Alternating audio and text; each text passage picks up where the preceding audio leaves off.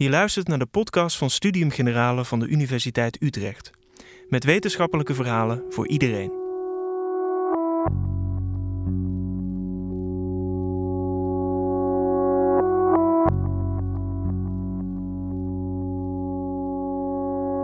Stel je voor, een wereld waarin we allemaal een maandelijks inkomen krijgen zonder ervoor te hoeven werken. Dat is het idee van het universeel basisinkomen. Het zou ons meer vrijheid geven en helpen bij armoedebestrijding. Historicus en journalist Rutger Bregman voert al jaren campagne voor het idee. Filosoof en econoom professor Ingrid Robijns twijfelt over de haalbaarheid ervan. Gratis geld voor iedereen. Hoe realistisch is dat eigenlijk? Je hoort eerst Rutger Bregman en daarna Ingrid Robijns.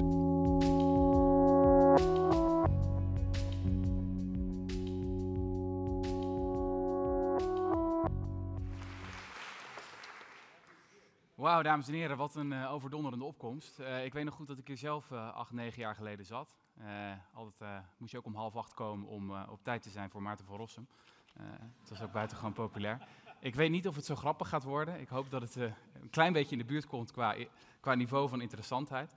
Um, wat me ook opvalt aan, aan vanavond, of eigenlijk de ontwikkeling van de afgelopen vijf jaar, is dat toen ik voor het eerst begon met praten over het basisinkomen, dat was dus nou mijn eerste stuk schreef ik over in oktober 2013. Ingrid, ik begreep dat jij daar in 1998 al over schreef. Toen was ik tien. Um, maar in ieder geval, de eerste lezingen die ik gaf, dat waren toch uh, ja, wel een beetje een ander publiek. Het waren een beetje langharige, uh, ruimdenkende, uh, anarchistische types. niet zo keurig als u. Um, maar zo begint het misschien vaak. Weet je? Misschien is het, dat, is het waar dat de echte utopische ideeën vaak beginnen bij de gekkies aan de randen van de samenleving. En dat ze dan een opmars naar het midden beginnen. Dus des te hoopgevender dat u met zoveel mensen hier bent. Um, toen ik erover begon te schrijven, dus een aantal jaar geleden, toen dacht ik ook, ik ga even checken in de journalistieke archieven van um, wat is hier in het verleden over gezegd. Dus toen ging ik naar LexisNexis, dat is een uh, journalistiek archief voor kranten, tijdschriften en zo. En um, typte ik het woord basisinkomen in, uh, gewoon even te checken van, nou ja, wat weten we hier al over? En ik kwam het woord, eigenlijk in de 15 jaar daarvoor, kwam ik het maar in één context tegen. En dan ging het altijd over het basisinkomen van de bankier. Waar de bonussen nog bovenop komen. Dus soort van het basissalaris. Dus in eerste instantie toen ik erover schreef, waren een paar collega's die zeiden van, wat is, wil je een hoger basissalaris voor bankiers? Nee, dit is toch echt een ander idee. Laat ik even peilen, wie weet er niet, wie heeft eigenlijk vrijwel geen benul van wat het basisinkomen is? En is toevallig binnengestruind? Niemand. Het zijn allemaal ba basisinkomen fanatici in de zaal. Wat, wat, misschien interessant is ook om, om, te benadrukken, is dat hoewel het een vergeten idee was tot voor kort, we zitten inmiddels, zeg maar in historisch opzicht, zitten we al in de derde golf van grote interesse in het basisinkomen. Uh, dus het idee gaat volgens sommigen helemaal terug tot op Thomas More, de filosoof, 500 jaar geleden. Boek uh, Utopia hint hij voorzichtig op zoiets als een basisinkomen. Ik denk de eerste echte verdediging daarvan vind je in het boek van Thomas Paine, eind 18e eeuw. Uh, waarin hij ook een hele interessante filosofische verdediging geeft. En zegt van zoiets zou een recht moeten zijn en niet alleen een gunst. Um, maar de eerste echte golf van nou ja, een beetje activisme voor het basisinkomen vind je in Verenigd Koninkrijk in de jaren 20 van de vorige eeuw. Het bleef nog betrekkelijk klein. De, de, grote tweede golf, dat was in de jaren 60 en de jaren 70 in de VS en Canada. Nou, dit is ook vandaag de dag bijna vergeten, dat staat niet in de geschiedenisboekjes. Maar jawel, dames en heren, het was niemand minder dan Richard Nixon die bijna een bescheiden basisinkomen heeft doorgevoerd. Het is twee keer door het Huis van Afgevaardigden gekomen. Toen kwam het in de Senaat.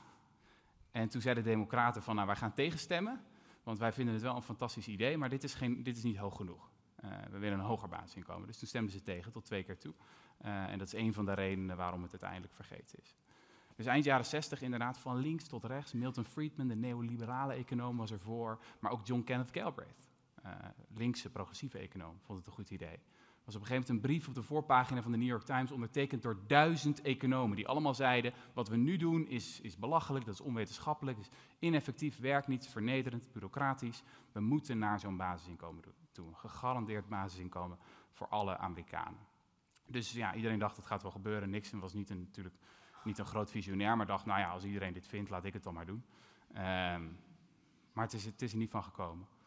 Het, idee stierf uiteindelijk echt uit in de VS in 1978. Toen was er een groot experiment in Seattle uh, met heel veel positieve resultaten. Dus uh, basisinkomen bleek tot lagere zorgkosten te leiden, minder criminaliteit. Um, kinderen deden het beter op school. Nee, mensen waren niet totaal lui of zo. Ja, soms stopten ze met een bullshitbaan. Maar het was eigenlijk een heel positief experiment. Alleen er was één, één ding wat, wat onderzoekers, nou, waar ze achter kwamen, dat was toch fataal. Dat is namelijk dat de echtscheidingen met 50% omhoog gingen. Nou, weet je, eh, vandaag de dag in tijden van MeToo zouden we zeggen geweldig, weet je, topresultaat. Allerlei slechte huwelijken kapot gemaakt door het basisinkomen. Uh, maar in der tijd ja, was dat toch zeker voor conservatieve Amerikanen niet te verteren. Dus die zeiden van, uh, zo'n basisinkomen maakt vrouwen veel te onafhankelijk, dat willen we niet. Um, het was pas tien jaar later dat ze, de onderzoekers ontdekten dat ze een statistisch foutje hadden gemaakt. Dus in werkelijkheid was het aantal echtscheidingen helemaal niet omhoog gegaan. Nou goed, dat is dus iets over de geschiedenis. We zitten nu in de derde golf van oplevende interesse voor het basisinkomen. Het is volgens mij ook de grootste golf tot nu toe. Het is echt wereldwijde interesse, uh, die inmiddels ook echt praktische gevolgen aan het, uh, uh, nou ja, praktische gevolgen krijgt. Je ziet in Finland is er al een experiment begonnen dit jaar. Canada heeft een echt nog groter experiment aangekondigd. In Silicon Valley zijn heel veel mensen wild enthousiast van dit idee. Vorige week nog een bericht dat daar een, een gemeente um, een uh, basisinkomen-experiment gaat doen. Nou, wat hebben we nog meer? Schotland hebben we recente berichten uit. In Kenia is al een heel groot experiment begonnen door de NGO Give Directly. Nou, de naam zegt het al, die delen gratis geld uit. Um, dus dit is, het is echt vrij fascinerend hoe in een hele korte tijd zo'n idee een enorme opmars heeft doorgemaakt. Toch denk ik nu dat we ook op een punt zitten in het debat dat we wat specifieker moeten gaan worden. Dus Weet je, drie, vier jaar geleden kon je nog zeggen, nou, gratis geld voor iedereen. En dachten mensen, oh, raar, en dan kon je het een beetje gaan uitleggen. Maar u heeft waarschijnlijk al een beetje studie gedaan en heeft allemaal kritische vragen. En nu wordt ook duidelijk dat het basisinkomen een beetje zoiets is als um, Obama in 2004. Zeg maar hope and change. Uh, het is allemaal mooi, iedereen vindt dat fantastisch. Iedereen projecteert er zijn eigen ideeën op en het is niet helemaal duidelijk wat dat dan precies moet gaan worden. Uh, dat is het basisinkomen misschien nu ook nog. Uh, als we specifieker worden, dan blijkt vaak dat nou ja, bijvoorbeeld dat links wel andere ideeën erover heeft dan rechts bijvoorbeeld. Of dat er nogal wat verschillende varianten zijn. Uh, ook varianten waar ik bijvoorbeeld zelf moordicus tegen zou zijn. Um, dat is dus belangrijk. Als, als, als er wordt gezegd in het debat van nou, zoveel mensen zijn ervoor, hebben ze het dan eigenlijk wel over hetzelfde? Dat is een vraag die we ons moeten stellen. Um, ik wou eigenlijk um, voordat ik de argumenten ga geven waarom we dit serieus moeten nemen, het heel kort even hebben over definities. Dat is wat saai, dat is wat technisch, maar het is echt heel belangrijk, want ik zie het vreselijk vaak misgaan in het debat. Als we het over het basisinkomen hebben, dan hebben we het in de eerste plaats over het soort van het paraplubegrip, het gegarandeerde basisinkomen. Um, dus in het Engels zeg je dan Basic Income Guarantee, BIG. Nou, daaronder vallen twee varianten van dat basisinkomen. De eerste, dat is de bekendste, die kent u allemaal waarschijnlijk wel, dat is het universele basisinkomen. Dus dat betekent dat iedereen, eh, de zwerver op de hoek van de straat, maar ook Bill Gates, die krijgen dat allemaal. Iedereen krijgt maandelijks een bedrag van de Belastingdienst of zo, of wie dat dan ook gaat doen, op de bankrekening. Um, dat, is, dat is de eerste variant. De tweede variant, dat noemen we de negatieve inkomstenbelasting. Dat klinkt heel saai. Uh, het idee is als volgt. Uh, wat je doet is iedereen die onder de armoedegrens dreigt te zakken, of onder het niveau van wat het basisinkomen zou moeten zijn, die nou ja, til je meteen omhoog. Dus dat betekent dat heel veel mensen uh, er niet zoveel van zouden merken, want die zakken bijvoorbeeld nooit onder de armoedegrens. Nou, dat klinkt als een totaal ander idee. Uh, technisch gezien is dat hetzelfde. Of in ieder geval financieel gezien is dat hetzelfde. Waarom? Uh, het is een beetje het verschil tussen iemand ofwel 100 ehm, euro geven en 50 euro terugvragen. Dat is wat je met het universele basisinkomen doet. Ofwel gewoon meteen 50 euro geven en verder niet moeilijk doen. Dat is een beetje het ding. Dus met het universele basisinkomen krijgen heel veel mensen dat bedrag, maar moeten ze misschien wel een vergelijkbaar bedrag in belastingen terugbetalen. En dit, dit bedoelde ik dus dat het steeds misgaat in discussies, ook in de media. Het is vaak voor journalisten lastig te begrijpen. Is dat als je het over de kosten hebt, dan moet je het natuurlijk hebben over de uh, netto kosten. En niet over de bruto kosten. Dus zeg maar, laten we zeggen 10 miljoen Nederlanders krijgen een basisinkomen. laten we zeggen 10.000 euro per jaar. Kost, oh, 100 miljard kunnen we nooit betalen, gaan we failliet. je moet natuurlijk kijken naar de netto-kosten. Hoeveel geld moet je netto verplaatsen tussen burgers om die vloer in die inkomensverdeling te garanderen? En dat is veel en veel minder geld. Voor het uitroeien van armoede in Nederland zou iets van 2 à 3 miljard moeten kosten. Maar ja, ter vergelijking, wat besteden we aan vakanties? 15 miljard of zo. Uh, dus dat is best te doen. Um, dat is dus een beetje een technisch punt, maar is volgens mij belangrijk om in het achterhoofd te houden, dat het vaak misgaat. Uh, al die experimenten die we in de VS en in Canada hebben gezien in de jaren 70, dat waren ook allemaal experimenten met de negatieve inkomstenbelasting. Dus die variant, iets praktischere variant. Er zijn trouwens ook argumenten om te zeggen van je moet toch dat universele basisinkomen doen, uh, want dan heb je het hele stigma is dan weg. Misschien iets minder praktisch is die, maar dan heb je echt geen stigma meer op het ontvangen ervan. Um, waarom zouden we dit nou moeten gaan doen? Waarom zouden we dit, deze denkrichting serieus moeten nemen? Ik denk um, dat het uiteindelijk allemaal draait om één ding. Een basisinkomen gaat over vrijheid. Over het verschaffen van zoveel mogelijk mensen, in ieder geval alle burgers in een bepaald land, aan, aan echte, van echte vrijheid. Uh, dus we hebben nu natuurlijk nu de vrijheid van vereniging, vrijheid van meningsuiting, vrijheid van godsdienst, et cetera. Allemaal mijlpalen van beschaving. Maar een basisinkomen gaat nog een stap verder. En geeft je bijvoorbeeld ook een onvoorwaardelijke vrijheid van uh, armoede. Of geeft je echte bestaanszekerheid. Dan zult u misschien zeggen van ja, maar we hebben toch in Nederland al zoiets als uh, de verzorgingsstaat. Dat is toch prima? Uh, nou, ik weet niet of u wel eens een bijstandsuitkering heeft aangevraagd. Zijn er mensen in de zaal? Een paar? Nou, dan zult u ongetwijfeld weten dat dat niet bepaald onvoorwaardelijk is. Dat is een ongelooflijke bureaucratische nachtmerrie, waarin je eindeloos moet bewijzen dat je, nou ja, dat je wel depressief genoeg bent, dat je wel zielig genoeg bent, dat je echt een hopeloos geval bent, dat je echt nooit een baan zal krijgen, et cetera, et cetera. En als je dat aan honderden verschillende figuren en duizenden verschillende, ik overdrijf een beetje, maar u krijgt het idee. Uh, als je dat dan eindelijk hebt bewezen, dan geeft de overheid je misschien een klein beetje geld, maar dan gaan ze natuurlijk nog wel in de gaten houden via Facebook of je geen rare dingen doet. Dan gaan ze je tandenborstel stellen. Uh, of je niet stiekem samenwoont met iemand anders. Er is een enorme controle, bureaucratische industrie eromheen ontstaan. Dus het is niet bepaald uh, onvoorwaardelijk. Uh, ik denk ook dat het een systeem is dat mensen vasthoudt aan de onderkant. Want als je de hele tijd moet bewijzen dat het echt niet lukt, dat het echt niet gaat, dat je geen baan kan vinden, et cetera, dan ga je er misschien op termijn ook wel in geloven. Um, wat, ik, wat ik fascinerend vond in de afgelopen jaren is dat de interesse in het basisinkomen in de eerste plaats ontstond op lokaal niveau en heel vaak bij professionals. Voor mensen die uh, bij de sociale dienst voor een gemeente werken of mensen bij het UWV. Ik heb een tijdje geleden nog een lezing gegeven voor het UWV en dan zei ik dingen als van, nou, we zouden eigenlijk uh, jullie salarissen gewoon uit moeten keren aan degene die jullie proberen te helpen. Uh, en dan denk je, worden ze dan boos? Nee, dan beginnen mensen nog te klappen ook. Dus juist op, op daar, op die plekken, is er een heel sterk besef van wat we nu doen, werkt echt niet. Het is peperduur, het is vernederend voor de mensen die erin zitten en we helpen mensen zo niet eens aan een baan. Sterker nog, uit sommige wetenschappelijke onderzoeken blijkt dat nou ja, al die elevator pitches en al die trainingen die het UWV geeft, uh, die verlengen heel vaak de werkloosheid. Waarom? Ja, je, je, moet allemaal onzinnige dingen doen terwijl je net een baan aan het zoeken was, dus dat is helemaal niet handig. Um, dus dat is volgens mij een goede reden om in ieder geval na te denken over iets anders. Tegelijkertijd hebben we natuurlijk heel veel hoopvol uh, wetenschappelijk bewijs die laat zien dat uh, gratis geld of cash transfers of experimenteren in de richting van een basisinkomen, dat dat werkt. Ik had het al over de experimenten uit de jaren 70. Uh, ehm, we hebben in de afgelopen 15, 20 jaar een enorme opkomst gezien van cash transfers in, uh, wereldwijd in het zuiden. Dus van uh, Mexico tot Brazilië, Zuid-Afrika, India, allemaal plekken waar overheden uh, daarmee experimenteren. Um, en elke keer blijkt van, het werkt eigenlijk behoorlijk goed. Er zijn steeds meer wetenschappers die zeggen van, geld zou eigenlijk een soort van benchmark moeten zijn. Als jij hulpverlener bent, als je een stichting bent, een overheid of wat dan ook, en je zegt, ik wil andere mensen helpen, dan moet je een hele goede reden hebben om niet gewoon geld te geven. Waar haal je eigenlijk het idee vandaan dat jij beter weet wat andere mensen nodig hebben uh, dan, dan mensen zelf?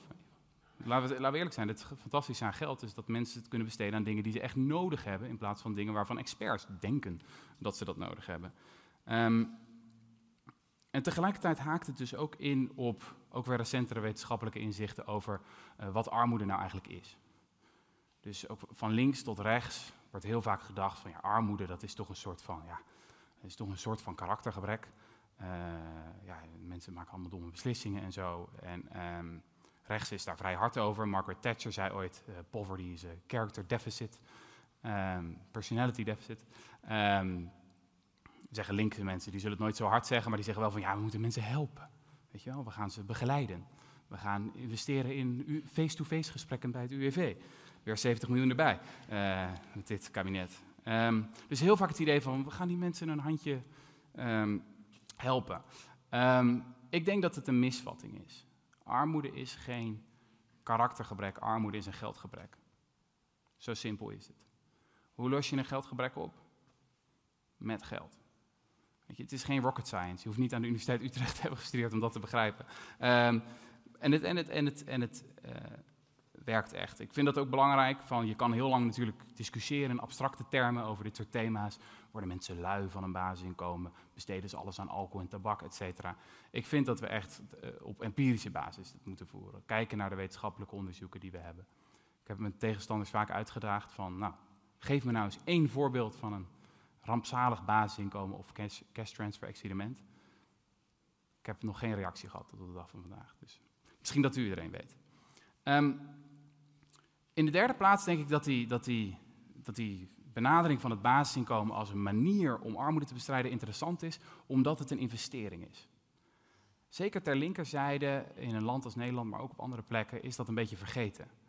Oorspronkelijk was dat natuurlijk een hele sterke sociaal-democratische gedachte. Van als we investeren in elkaar, dan zijn we uiteindelijk allemaal beter af. Weet je? Als, je, als het beter gaat met je buurman, dan gaat het beter met jou. Wat, wat, wat zijn de, de, cijfers bijvoorbeeld voor het basisinkomen? Een recente studie voor de VS, waar de armoede toch fors hoger is, uh, die komt uit op de kosten van zo'n negatieve inkomensbelasting. De kosten zijn dan 500 miljard, om en daarbij. En heb je de armoede echt volledig uitgeroeid in een land als de VS. Nou, ik vind dat je daar tegenover de vraag moet stellen van wat kost armoede eigenlijk? In termen van hogere zorgkosten, hogere criminaliteit, kinderen die slechter presteren op school, uiteindelijk minder belasting gaan betalen, noem maar, op. Wat zijn de kosten van armoede? Nou, weer een recente studie uit de VS. Ehm, kosten van armoede zijn 500 miljard. Het betaalt min of meer voor zichzelf. Het is ook een hele mooie studie uit North Carolina die dat liet zien, waar een casino opende uh, in de jaren 90. Die mochten dat geld van de Eastern Band of Cherokee Indians, het geld wat ze ermee verdienden, mochten ze aan de leden van de stam geven. Ongeveer 10.000 mensen. Die kregen ineens allemaal een basisinkomen. Heel veel daarvan werden dus uit armoede opgegeven. Het was een prachtig natuurlijk experiment voor wetenschappers om te onderzoeken wat er gebeurt. Nou, we zagen weer de gebruikelijke effecten. Uh, weet je wel, mensen werden gezonder, kinderen deden het beter op school, uh, criminaliteit ging omlaag, allemaal positieve effecten. Toen heeft een econoom, Randall O'Kee van de Universiteit van eh, Los Angeles, heeft berekend van wat de, financieel gezien daar de voordelen van, was, van waren. En die kwam erachter dat de baten van dit basisinkomen groter waren dan het basisinkomen zelf. Dus in die zin is het letterlijk gratis geld. Ik vind dat een, ding wat vaak ontbreekt in het, in het debat. Je moet het ook echt zien als een, als een investering met een prima uh, rendement. Op de korte termijn, ook als we het hebben over nou ja, het debat in Nederland, denk ik dat, dit, dat we het hier vooral over moeten hebben. Van wat is de toekomst van de verzorgingsstaat? Hoe kunnen we meer mensen bestaanszekerheid verschaffen? Dan is dit de belangrijkste en meest urgente reden om het over het basisinkomen te hebben. Of in ieder geval over die denkrichting. Want we kunnen ook natuurlijk stapje voor stapje onze huidige sociale zekerheid meer op het basisinkomen laten lijken. Weet je, het is geen alles of niets situatie. Maar er is ook nog een, zou ik zeggen, een tweede, meer utopischere reden waarom we dit idee serieus moeten nemen. En dan gaat het weer over vrijheid. Alleen dan niet over de vrijheid van uh, armoede, maar over de vrijheid van uh, bullshitbanen. Kent u die uitdrukking? Een bullshitbaan moet ik misschien goed definiëren. De term komt van een uh, antropoloog, David Graeber. En die definieert de bullshitjob als een baan waarvan degene die hem heeft zelf zegt: Moi. Het, is, het is niet heel erg uh, als ik morgen niet op mijn werk verschijn. Nou, ik dacht eerst van ja, hoe groot kan dat fenomeen nou zijn? Weet je? Dus ik ging daarover schrijven op de correspondent.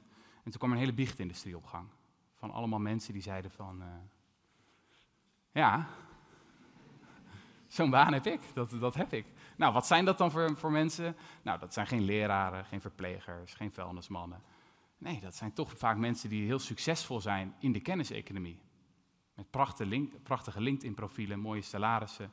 Um, consultants, gevaarlijke categorie altijd. Uh, maar ook eh, bedrijfsadvocaten, bankiers, noem maar op. Dus mijn hele e-mailbox kwam helemaal vol met dat soort bekentenissen. Toen dacht ik, zouden daar ook cijfers over zijn? Ik een beetje googelen, kom op een uh, Vlaamse studie. In Vlaanderen 30% van alle banen worden als zinloos gezien. Ik dacht, ja, dat zijn de Belgen, weet je. Dat is nogal wie dus. Toen kwam ik op een Nederlandse studie, 40%.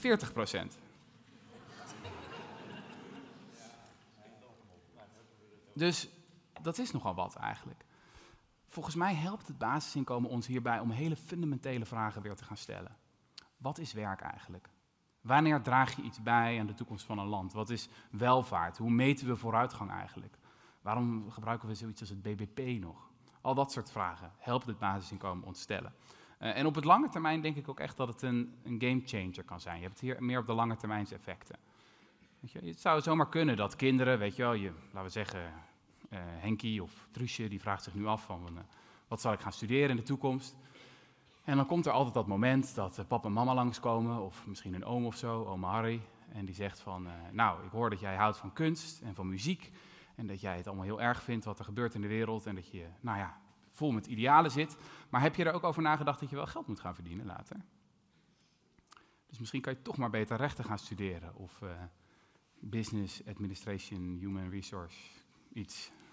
misschien kan je dat toch beter gaan doen. Want ja, dan, dan heb je misschien een goed salaris. Nou, stel in een wereld met een basisinkomen, kan Trusje of Henkie dan natuurlijk zeggen van... Ja, luister, oma Harry, uh, ik kan altijd terugvallen op mijn basisinkomen. Dus misschien ga ik wel gewoon iets doen wat ik zelf echt belangrijk vind. Ander lange termijns effect, en dat is misschien wel het belangrijkste effect van een basisinkomen, is het effect op de lonen. Stel je voor, als iedereen een basisinkomen heeft, dan heeft iedereen ook een stakingskas. Je kan altijd gaan staken, wanneer je wil. Nou, stel je voor dat de vuilnismannen gaan staken. Nou, dat is nogal vervelend, weten we. Dus die vuilnismannen hebben met een basisinkomen veel meer onderhandelingsmacht, waar waarschijnlijk hun lonen omhoog moeten. Geldt ook voor de leraren, geldt ook voor mensen die in de zorg werken. Waarom horen wij nooit van een staking van telemarketeers? Waarom horen wij nooit van? Of een staking van organisatieconsultants? Nou, het antwoord is natuurlijk simpel, omdat we dat niet zouden merken. Ik heb voor, voor dat andere boekje heb ik een keer uitgezocht van, zou er een keer een staking zijn geweest van uh, bankiers? Dat is één keer gebeurd, Ierland 1970, staking duurde zes maanden, gebeurde niks. Uh, na zes maanden kwamen de bankiers weer terug en zeiden, oké, oké, oké, oké. We gaan wel weer aan het werk. Dus dus dat is volgens mij een hele serieuze vraag die we moeten stellen. En dus op de langere termijn zou met de invoering van een basisinkomen zou er veel meer onderhandelingsmacht zitten bij de mensen die de echt waardevolle banen hebben, waardoor hun lonen omhoog gaan. En de mensen met de, nou ja, de wat minder waardevolle banen, daar zullen de lonen van omlaag gaan, wat ze minder aantrekkelijk maakt. Um, en dat zou er dus kunnen voor zorgen dat je een economie krijgt op de lange termijn, waarin de lonen veel beter de sociale waarde reflecteert van het werk dat we doen. Um, Philip van Parijs is een van de belangrijkste pleitbezorgers van het basisinkomen. Die zei me een keer van ja, we zouden zelfs naar een wereld kunnen gaan waar de schoonmakers meer verdienen dan de professors. Nou, hij is zelf professor. Uh, dus hij keek er even moeilijk bij, maar toen zei hij, nou, geloof er toch nog in hoor. Um, dat is dus meer die, die langetermijnsvisie. Je hebt nu, nu in de afgelopen tijd, er is natuurlijk ook heel veel aandacht geweest voor het basisinkomen om de robots. Uh, want de robots zouden komen, die zouden al onze banen inpikken. Um, ik moet u heel eerlijk zeggen, dat is het allerslechtste argument dat je kan geven.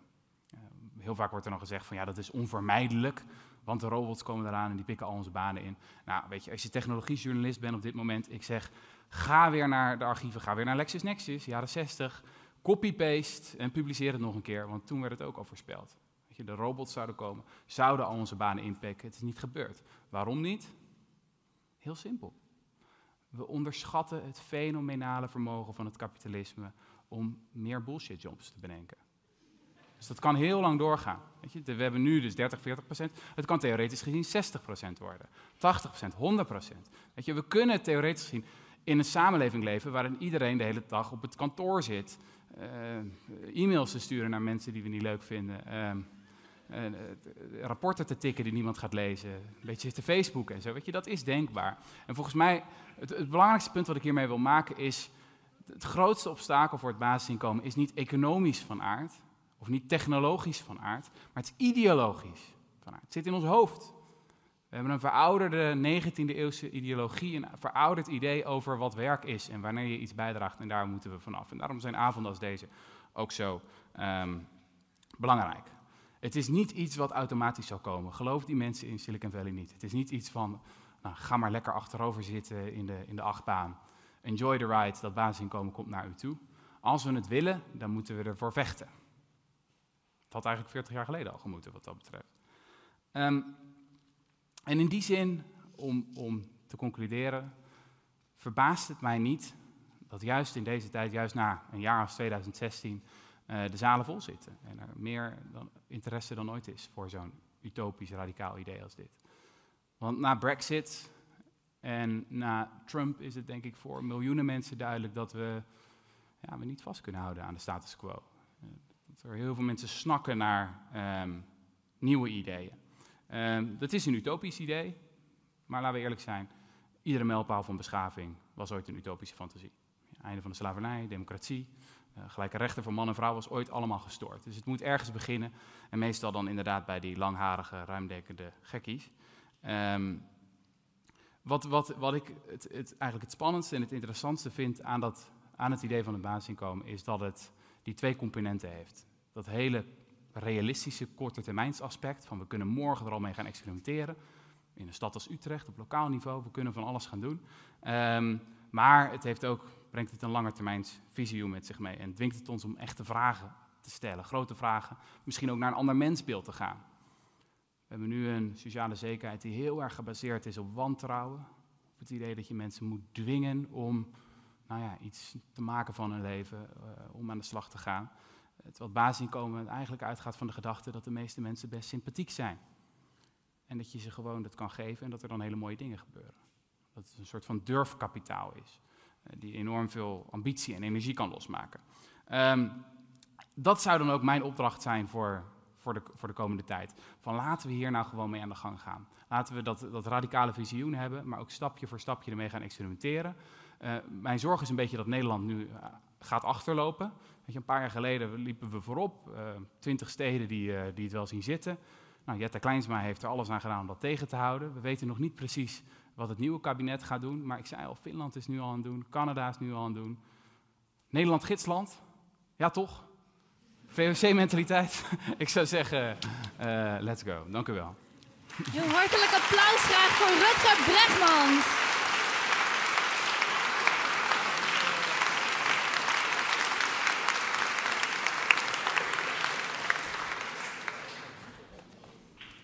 Dan introduceer ik graag jullie onze tweede spreker van vanavond. Dat is professor Dr. Ingrid Robijns en zij is filosoof en econoom. Aan de Universiteit Utrecht bekleedt zij de leerstoel Ethiek van Instituties. En daarnaast is ze voorzitter van de sectie Ethiek en Praktische Filosofie van de Nederlandse onderzoeksschool Wijsbegeerte. Ze houdt zich in haar uh, werk en haar onderzoek veel bezig met het concept sociale rechtvaardigheid. Ik denk ook dat haar verhaal heel mooi aansluit bij uh, wat we net hebben gehoord. Zij heeft veel sympathie voor het idee van het basisinkomen, maar zij twijfelt ook. Um, want hoe kan je eigenlijk voor of tegen het basisinkomen zijn um, zonder het volledige plaatje te kennen? Wat we nodig hebben volgens haar is geen utopie, maar antwoord op praktische vragen. Nou, hopelijk gaan we daar zo meer over horen. Graag een heel hartelijk applaus voor professor Dr. Ingrid Robijns.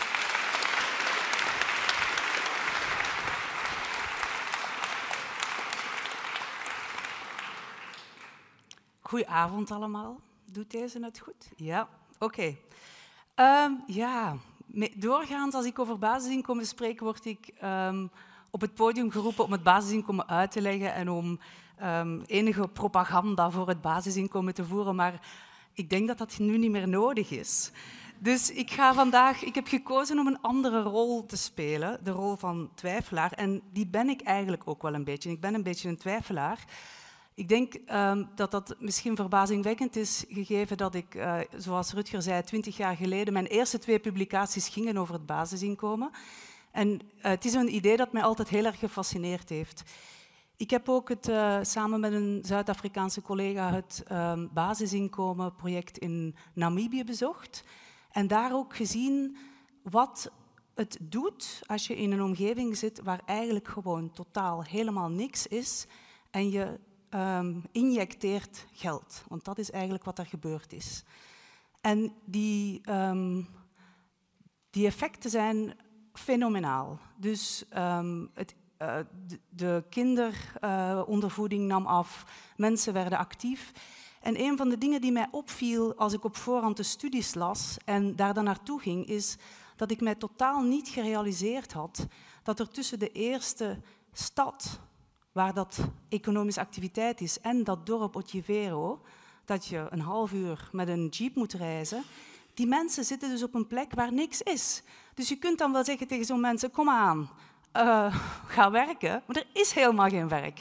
En dat is natuurlijk ten dele ook het probleem dat we in onze landen ook hebben. Dat we tegen allerlei groepen mensen kunnen zeggen, ga werken, maar de vraag is, is er voor die mensen wel werk? Aan de andere kant um, denk ik dat we ook voorzichtig moeten zijn met de conclusies die we trekken uit die experimenten. Want wat je ziet in al de experimenten waarover ik gelezen heb, is dat er geld van buitenaf in de de populatie die het basisinkomen kreeg ingevlogen werd, geïnjecteerd. Als je dat vertaalt naar Nederland, zou dat betekenen dat we aan de Duitsers vragen: geven jullie ons eens een basisinkomen? Nou, ik zou zeggen: kom aan, doe maar, geef ons allemaal een basisinkomen. Dat is dus iets anders dan dat wij in ons eigen fiscaal systeem zowel het geld gaan moeten genereren voor het basisinkomen en dus ook het basisinkomen kunnen uitkeren. Dus Philip van Parijs in zijn um, boek dat eerder dit jaar uitkwam, dat hij samen met Yannick van der Borg heeft geschreven, is ook heel sceptisch over wat we kunnen leren van experimenten. En ik denk dat dat iets is um, wat we in het achterhoofd moeten houden. Dus, de rol die ik mijzelf heb toebedeeld vandaag is die van de scepticus. En in die hoedanigheid wil ik vier stellingen verdedigen uh, die allemaal redelijk kritisch zijn, maar ik denk dat dat goed is om het debat aan te wakkeren en um, ook om daarna drie voorstellen te doen. Mijn, ja, oké, die doet het niet.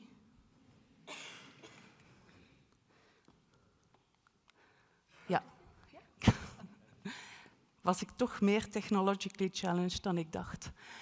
Um, Oké, het uitgangspunt. Mijn, het uitgangspunt is dat ik de laatste jaren een beetje kriegelig ben geworden over het debat. Um, ik zit dus al twintig jaar in de academische tak van dit debat.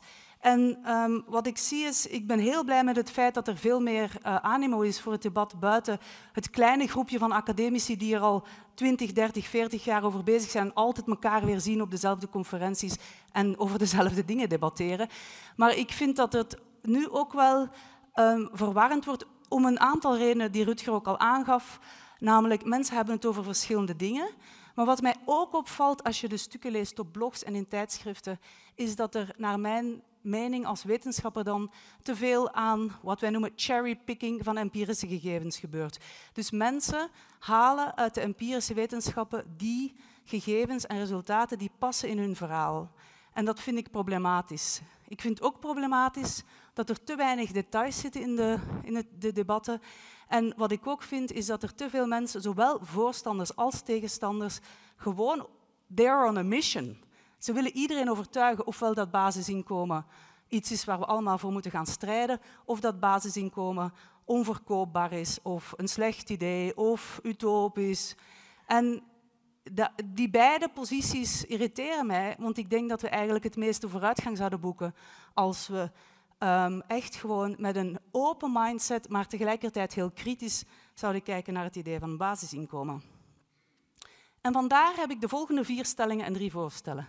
Het eerste stelling, en die sluit aan bij ook iets wat Rutger net al zei, is dat het totaal onzinnig is om voor of tegen een universeel basisinkomen te zijn zonder de details van het voorstel te kennen. En die details van het voorstel gaan natuurlijk eerst en vooral over het bedrag. Hebben we het over een basisinkomen van 200 euro per maand, 800 euro per maand of een van de pleitbezorgers in Vlaanderen pleit voor 1500 euro per maand? Hoe wordt het gefinancierd? Gaan we dit via arbeidsbelasting doen, via een belasting op uh, consumptie, verhoging van de BTW? En eigenlijk vind ik de derde nog de belangrijkste vraag die heel vaak onvoldoende aandacht krijgt, en dat is welke andere voorzieningen die we nu hebben in de welvaartsstaat, welke andere toeslagen voor bepaalde groepen sneuvelen. En dit is volgens mij echt de hamvraag die we in alle debatten moeten meenemen. En als je naar concrete voorstellen kijkt, is dit vaak het punt waarop ik zeg, voor mij niet. Omdat er gewoon bepaalde elementaire voorzieningen voor bepaalde kwetsbare groepen sneuvelen om het plaatje financieel rond te krijgen.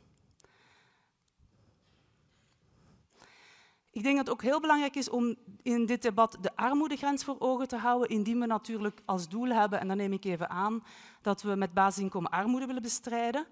Uh, in Nederland hebben we twee armoedegrenzen. We hebben het, een soort van um, lagere armoedegrens, die noemen we het basisbehoeftebudget. Die was in 2014 975 euro. En dan heb je een iets hogere um, armoedelijn, die is 1063 euro. Nu moet je je afvragen, wat kunnen mensen daarmee doen? Nou, ik heb het voor jullie even opgezocht. Het is heel slecht leesbaar, dat spijt me. Maar ik zal het even, even zeggen. Die eerste, dus de, al de uh, lagere armoedegrens, dan kan je een bruto huur, iets huren voor als persoon voor 375 euro.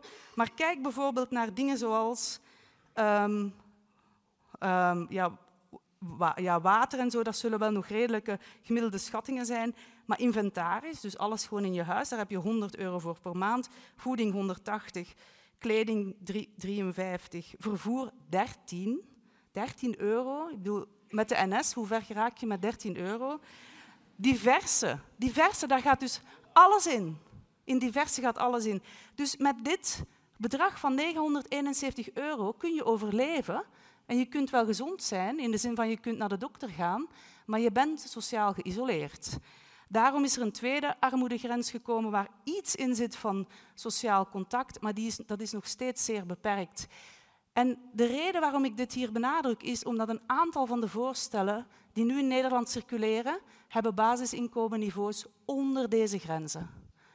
En dat kan indien je dat combineert met um, toch iets van een soort van top-op voor mensen die eronder zouden vallen. Dus dat is denk ik belang. Daarom is het debat over wat is de hoogte zo belangrijk. Ik weet eigenlijk niet waarom dit het zo slecht doet, maar oké. Tweede stelling. Kinderen. Hoe hoog is het basisinkomen voor kinderen? De meeste voorstellen hebben een heel laag basisinkomen voor kinderen, een paar honderd euro. En sommige van die voorstellen gaan tegelijkertijd alle voorzieningen voor kinderopvang afschaffen. Wat zullen hiervan de gevolgen zijn? De gevolgen zullen zijn dat als een land, namelijk ons land, Nederland, waarin de, het percentage kinderen dat in armoede leeft al veel hoger is dan, in, uh, dan de volwassenen die in armoede leven, dat we waarschijnlijk nog meer kinderen zullen hebben die in armoede leven. Dus ik denk dat we er niet van moeten uitgaan dat omdat kinderen misschien heel weinig um, nood hebben aan materiële um, zorg, dat die daarom ook um, geen nood hebben aan andere vormen van voorzieningen, van zorg, of uh, de mogelijkheid dat hun, een van hun, dat hun ouders kunnen werken of kinderopvang, waardoor dat toch de basisinkomen voor kinderen hoog zou moeten zijn. Dit gaat, heeft ook te maken met de vraag over wat de effecten zijn op mannen versus vrouwen van basisinkomen. Dat heb ik, daar kan ik heel veel over vertellen, maar dat kunnen we voor de discussie houden. Maar de hoogte van het basisinkomen voor kinderen heeft één effect op de betaalbaarheid, namelijk als je dat hoog maakt, wordt de betaalbaarheid moeilijker, maar heeft ook effect op um, armoede-incidenties uh, onder kinderen. En um, ik denk zelf dat het heel problematisch is dat wij in een land leven waar de armoede-incidentie onder, onder bij de kinderen zo hoog is. We hebben dankzij um, de voorzieningen die we hebben voor ouderen, hebben we relatief weinig armere, arme mensen onder de gepensioneerden, maar we hebben ongeveer 10, 11 procent van onze kinderen leven in armoede. En kinderen hebben natuurlijk veel minder, kunnen veel minder verantwoordelijk gehouden worden voor de situatie waar ze zich in bevinden. Derde stelling. Het basisinkomen maakt geen onderscheid tussen mensen met specifieke behoeften, bijvoorbeeld langdurige zorgbehoeften of beperkingen, en anderen. Um, dit is potentieel een probleem indien um, allerlei voorzieningen die specifiek zijn voor mensen met beperkingen en mensen met um, allerlei langdurige zorgkosten ge, geschrapt zullen worden om het basisinkomen financierbaar te maken. Dus het probleem is, als je die voorzieningen schrapt, wat gebeurt in een aantal van de voorstellen die circuleren, dan gaan die mensen armer worden. Die hebben hetzelfde maandelijkse bedrag, maar die hebben gewoon veel meer uitgaven om een minimaal welvaartniveau te hebben. En een, iets anders waar ik mij ook zorgen over maak, is of, je die mensen, of voor die mensen het basisinkomen ook niet een soort van zwijggeld wordt. Je kunt je afvragen, wat is onze plicht als politieke gemeenschap naar mensen met een beperking? Je zou kunnen zeggen, in ieder geval willen we niet dat die in armoede leven, maar willen we ook niet dat die mensen um, deel uitmaken van de samenleving. Dat betekent onder andere dat ze niet alleen recht hebben op inkomen dat um, zorgt dat ze niet in armoede leven, maar dat ze ook recht hebben op of zinvolle arbeid of een zinvolle besteding van hun tijd, zinvolle dagbesteding. En daar hebben we gezien dat uh, het beleid van het voor, voorbije kabinet zodanig is geweest dat het aantal beschermde arbeidsplekken van 100.000 gereduceerd is tot, als ik me goed herinner, 35.000. Die mensen zijn allemaal op de reguliere arbeidsmarkt geduwd met het idee van er komt een banenregister, die mensen komen daarin. Um, de overheid en de bedrijven zullen die mensen in dienst nemen. Het verschil tussen hun zogenaamde loonwaarde en het minimuminkomen wordt gematcht. En het, wat gebeurt er? Die mensen worden niet aangenomen. Dus eigenlijk zeggen we gewoon tegen die mensen: jullie krijgen een inkomen en klaar. Dus dat, denk ik, is ook een groot probleem. Zou het niet zo moeten zijn dat je mensen niet alleen um, een recht geeft op een inkomen dat ze uit armoede brengt, maar ook recht geeft op zinvolle uh, besteding van hun tijd. Het zij in de vorm van een baan, het zij in de vorm van iets anders, omdat het die kwetsbare groep ook uit hun sociaal isolement haalt. En dat is natuurlijk een element wat je niet met geld alleen kunt oplossen.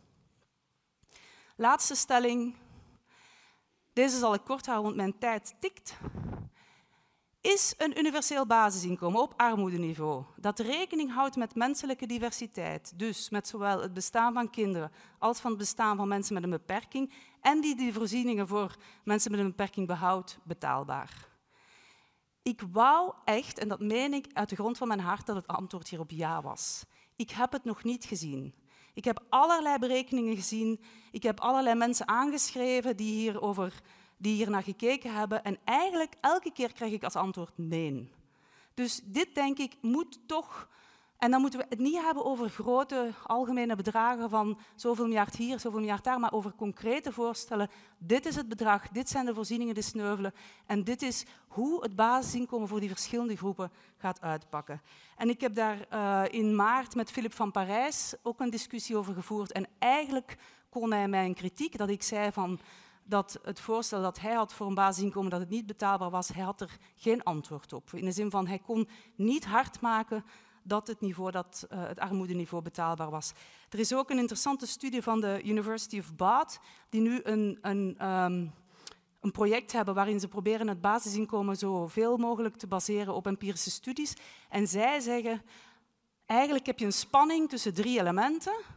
Het eerste is betaalbaarheid. Het tweede is uh, mensen die, uh, die je uit armoede kunt halen. En het derde is de eenvoud van het systeem. En zij zeggen, er sneuvelt altijd iets.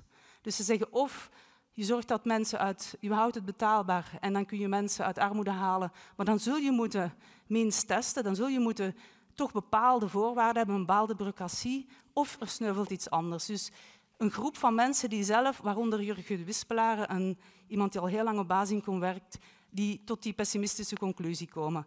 Dus ik denk dat dat de, ons, dan spreek ik maar even over de mensen die het basisinkomen uh, serieus willen onderzoeken, dat we die soort van um, analyses toch serieus moeten nemen. Ik denk niet dat we kunnen extrapoleren van het Verenigd Koninkrijk naar Nederland, maar dat we dit soort studies ook voor Nederland zouden moeten doen. Oké, tot daar mijn kritische stellingen. Nu kom ik met drie voorstellen. Het eerste is eigenlijk een soort van conclusie op basis van het voorgaande. Wie het basisinkomen als een realistisch beleidsvoorstel wil propageren, moet met een realistisch voorstel komen. Een beetje een open deur. Maar daar wil ik aan toevoegen dat we moeten doorrekenen voor verschillende groepen wie wat wint en verliest. En ik denk vooral dat we veel meer aandacht moeten hebben naar gezinnen met kinderen en kinderen specifiek, omdat die zo vaak in de armoede zitten, en ook naar mensen met een beperking. Tweede voorstel. Het basisinkomen is uiteindelijk een middel. Het is een institutie, het is een beleidsinstrument. Het is geen doel op zich. Het doel op zich zou kunnen zijn vrijheid voor iedereen, meer welvaart voor iedereen of minder armoede.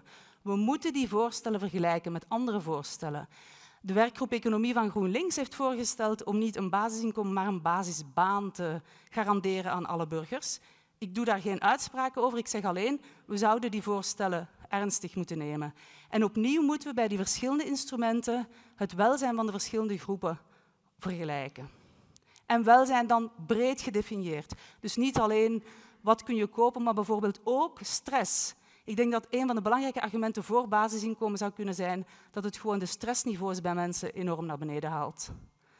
En dan mijn laatste voorstel. Hoe zit het dan met utopistische, utopische en activistische voorstellen? Die moeten we absoluut hebben.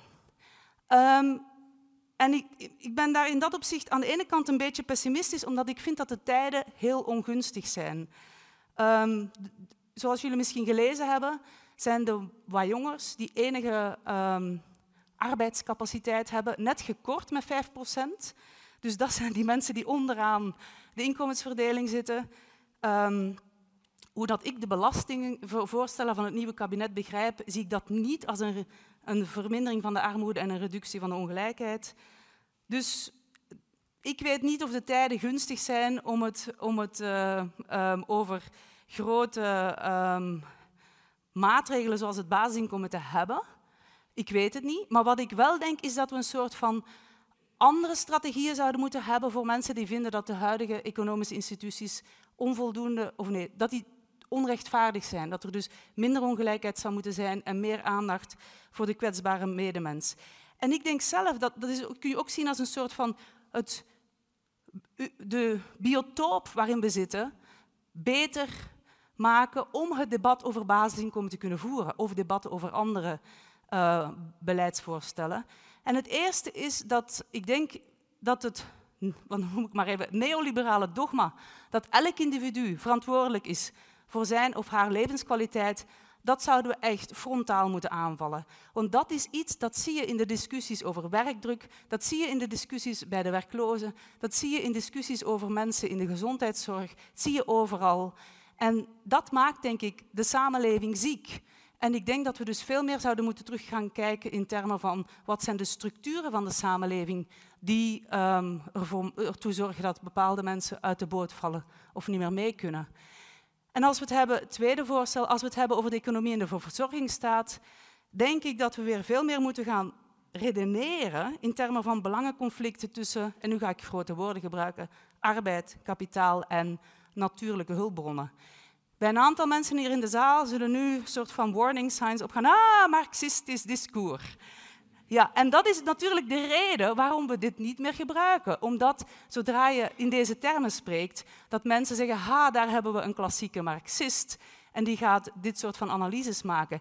Dit is gewoon niet waar. Je vindt deze elementen van arbeid, kapitaal en de belangenconflicten tussen die verschillende productiefactoren vind je al eerder. Je vindt ze bijvoorbeeld ook bij Adam Smith, die toch wordt gezien als de grondlegger van de hedendaagse economie. Maar wij denken nu veel te veel in termen van bepaalde um, belangen. Een, een, wij denken te veel in termen van kleine verschillen en we zien te weinig de soort van belangenstrijd die er achter bepaalde beleidsmaatregelen En ik denk uiteindelijk dat als je het hebt over basisinkomen of over andere, over de hele discussie over Piketty en post-Piketty, gaat hierover. Dat gaat over de vraag, in de totale koek die we met z'n allen produceren in de samenleving, wat is het aandeel dat naar arbeid gaat, naar de mensen? Wat is het aandeel dat naar kapitaal gaat? En hoe gaan we om met de natuur? En ik denk dat we toch die discussie opnieuw zullen moeten gaan voeren en dat het ook beter zal zijn om daarna de discussie over het basisinkomen vruchtvoller te voeren. Dat was het. Dank u wel. Hartelijk applaus graag.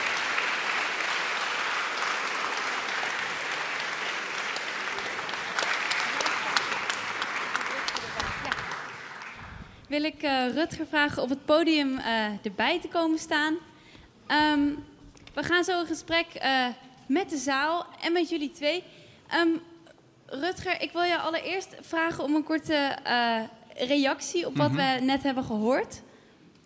Nou, ik ben het eigenlijk met alles eens. Oh, jammer voor het debat. saai. Eh, ja, nee, het zijn, het zijn volgens mij allemaal belangrijke nuances. Ik denk alleen dat we niet te veel tijd moeten verspillen aan abstracte discussies over een theoretisch basisinkomen dat toch nooit in één klap zal worden doorgevoerd. Ik denk dat de weg naar het basisinkomen, welke definitie ook hanteert, zal altijd stapsgewijs zijn. Kijk, het is natuurlijk waar dat Bismarck toen hij de eerste, nou ja, eh, stukje verzorgingsstaat introduceerde, dat hij niet ten eerste een randomized controlled trial heeft gedaan, maar het gewoon deed. Of toen we de universele gezondheidszorg invoerden, hebben we ook niet eerst allerlei abstracte debatten gehad, we hebben het gewoon gedaan en toen bleek het te werken, fijn. Ehm, maar het verschil met basisinkomen is dat het voor een deel ook bestaande regelingen vervangt. Dus volgens mij is dan de weg daar naartoe sowieso experimenteel. Ehm, en ik denk eerlijk gezegd dat, het, dat de simpelste weg, wat ik, wat ik ook al in mijn verhaal benadrukte, is dat universele even te laten vallen. Dat maakt alles ongelooflijk ingewikkeld, want dan ga je dus mensen belasten en vervolgens dat geld weer terugvragen. Dat begrijpen mensen niet, dan gaan hun belasting omhoog, krijgen ze wel een basisinkomen en denken ze, huh, maakt discussies ook heel ingewikkeld. Terwijl als ik zeg, laten we gewoon armoede uitroeien in Nederland. We hebben 1,2 miljoen eh, Nederlanders onder de armoedegrens. Collectief zitten die, heb, heb je ongeveer 2 à 3 miljard nodig, wat ik zei, om ze allemaal op te tillen. Nou, laten we er nog wat bij optellen. Bureaucratische kosten, weet ik veel wat allemaal, om die negatieve inkomstenbelasting te financieren. Heb je het over 4, 5 miljard. Laten we dan nog de baten meerekenen. Van, nou ja, de, de kosten van armoede zijn immers heel hoog. En ik denk dat de discussie wel een stuk eenvoudiger is. Dus dat lijkt me voor de korte termijn wel een, een, een, een goede weg. Ja, dan gaan we dus in plaats van voor het universeel basisinkomen, gaan we voor die negatieve inkomstenbelasting. Ingrid, is dit een optie Ja, volgens jou? Ik, ik, weet, ik weet gewoon niet wat ik hierop moet zeggen. In de zin van. ehm, ik ben gewoon verward als ik dit hoor en ik zie die studies van ehm, mensen die geprobeerd hebben die berekeningen te maken. Dus Mhm. ik denk dat het, wat het beste zou zijn, is dat je dit gewoon uitschrijft. Ik geef je een lijstje van alle mensen die ik ben tegengekomen die zeggen dit is niet betaalbaar. Ja. En dat je met hen in debat ik gaat. kan het je wel uitleggen waarom het, waarom het gebeurt. Dus als je hm, het universeel doet, dan moet je naar veel hogere marginale tarieven. Dus zeg maar op iedere extra euro die je verdient, moet je dan naar 60, 70 procent gaan van wat mensen inleveren. Ehm, uiteindelijk verlies je daar niet zoveel op. Eh, omdat mensen ook in ruil daarvoor ook een basisinkomen krijgen. Dat bedoelde ik met die netto-effecten. Maar dit is volgens een reden waarom bijvoorbeeld een eminente econoom als Bas Jacob zegt van het basisinkomen, dat werkt helemaal niet, want je krijgt veel te hoge marginale tarieven. En dat bedoelen ze Mhm. met het is onbetaalbaar. Ehm, ja, ik vraag me af of dat op de lange termijn ook zo is. En ik vraag me überhaupt af of mensen nou ja, wel van die rationele, homo-economisch-achtige figuren zijn die zo perfect reageren op dat soort prikkels. Ehm, maar daarom maakt het op korte termijn het, het veel eenvoudiger om het alleen te richten aan de, eh, aan de mensen aan de onderkant en gewoon die vloer in te bouwen. Dus dat zodra iemand eronder zakt, die weer meteen opgetild wordt. Maar ik denk, dit wordt een technische discussie, dus die moeten we misschien niet te lang hier voeren. Maar ik denk Mhm. dat die absoluut moet gevoerd worden. Maar je zegt natuurlijk eh, de mensen aan de onderkant, maar je moet het natuurlijk als een recht voor iedereen zien. Mhm. Dus je kunt niet zeggen dat mensen die nu arm zijn, kunnen gebruik maken van die eh, negatieve inkomstenbelasting. Ja. En dan is het de vraag natuurlijk wat de gedragseffecten zijn. En al die mensen die nu slecht betaalde bullshit shit jobs hebben, of al de werkende armen, want we hebben heel veel mensen die ook arm zijn en tegelijkertijd werken, die gaan natuurlijk kiezen voor het eh, basisinkomen dat via een negatieve inkomstenbelasting komt. Dus ik denk Mhm. dat die statische berekeningen van even zo, zoveel miljard, Mhm. ik denk dat dat is gewoon te simpel. Dus vandaar dat ik denk, ga rond de tafel zitten met de economen die hier Mhm. gewoon eh hun beroep van gemaakt Nee, hebben. ik zou ook heel graag dat En- paper voor Nederland willen zien. Dus voor de, voor de VS eh, zijn die berekeningen gemaakt, maar voor Nederland nog niet. Ja, maar de Verenigde Staten heeft echt een heel ander systeem en hun armoedegrens ligt gewoon lager. Ja, maar wel En veel ze- armoede. Ja, dat is ook waar. Eh, ik vind trouwens niet dat wij zo weinig armoede hebben. Nee, nee. Dus ehm, nee, ja. ja. Komt het debat toch nog op gang? Dat is fijn. Ehm, ik wil graag even naar de zaal. Ingrid, jij zei eerder in een gesprek met ons... ik zou heel graag een keer in gesprek gaan met alle voorstanders... alle tegenstanders en alle twijfelaars. Ik ben eigenlijk wel even benieuwd om te horen wat we zo in de zaal hebben zitten. Ik kom zo bij u. Ehm, kan ik even een korte eh, peiling doen? Ehm, wie zegt er, ik ben sowieso voorstander van het basisinkomen? Best wel wat handen. Even een kleine schatting. Ehm, wie zegt er, eh, na alles wat ik nu heb gehoord, ik ben eigenlijk sowieso wel tegen? Ja, toch minder. Dan heb ik denk ik ook een heel aantal twijfelaars nog. Wie twijfelt er? Ja, pleidooi voor het twijfelen dus eigenlijk. En de concrete ehm, invulling wellicht. We gaan heel graag in gesprek over wat het concreet zou kunnen inhouden en waar jullie vragen bij hebben. Ik zag dat daar een vraag was op het podium al. Ja?